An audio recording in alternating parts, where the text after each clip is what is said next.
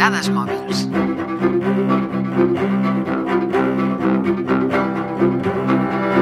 Al 5000 abans de Crist, els sumeris van inventar l'escriptura.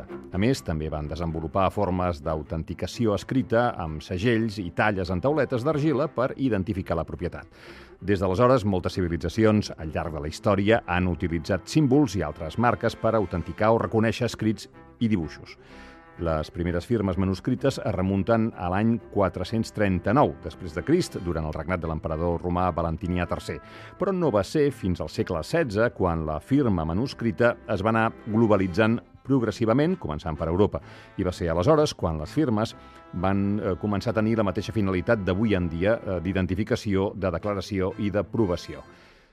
Bé d'avui en dia, avui en dia, ja no, perquè tot i que la segona part d'aquest de dos mòbils us diré el contrari, ara us dic que la firma està acabada.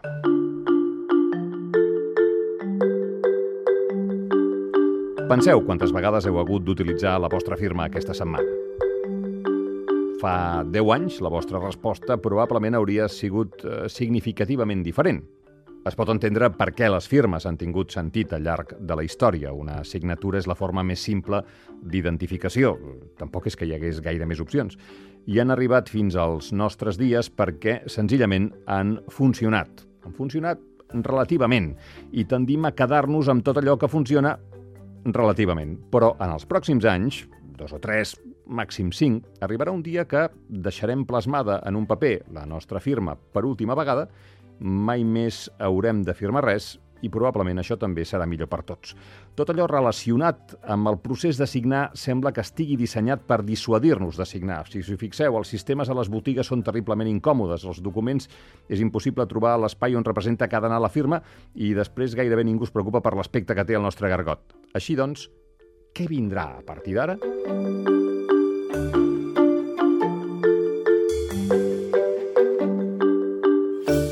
dades mòbils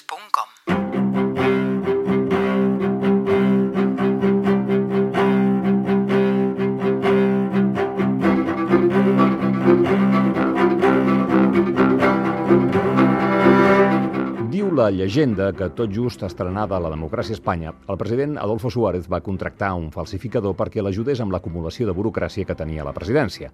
Un cop per setmana apareixia aquest obscur personatge que sembla que era un reclús que complia condemna per falsificació i es dedicava a imitar la firma de Suárez i plasmar-la allà on calgués. Aquesta llegenda podria demostrar que la firma, com a sistema d'autentificació, no funciona o pot no funcionar sempre, però sembla que no haurem de patir gaire més. Els bancs han sigut els principals instigadors dels últims anys de la cerca de substituts per la firma de tota la vida. La firma digital, els codis alfanumèrics o les dades biomètriques, com la petjada dactilar electrònica que ja porten molts mòbils, comencen a substituir el gargot que ens identifica. L'any 2000, el president Bill Clinton va signar el primer projecte de llei dels Estats Units per via electrònica. Avui en dia, Obama porta sempre a sobre un stylus, un bolígraf d'aquests digitals, que utilitza per fer firmes legislatives quan està de vacances a Hawaii. I un altre exemple, l'escriptora canadenca Margaret Atwood ha ajudat a inventar un dispositiu anomenat Long Pen que li permet fer autògrafs remotament en els llibres físics dels seus fans. Però potser la firma té més vida del que els defensors de les tecnologies imaginen. I si la firma aconsegueix sobreviure a tots aquests nous mecanismes, no ho farà perquè sigui més o menys segura, sinó perquè la gent desenvolupem un vincle emocional amb la nostra pròpia firma. Eh, recordeu aquelles tardes d'infantesa amb un bloc creant i després perfeccionant una vegada rere una altra la nostra nova firma?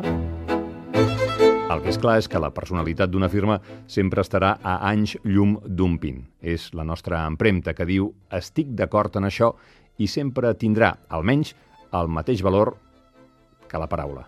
Cordialment, Antoni Bassas Onieva.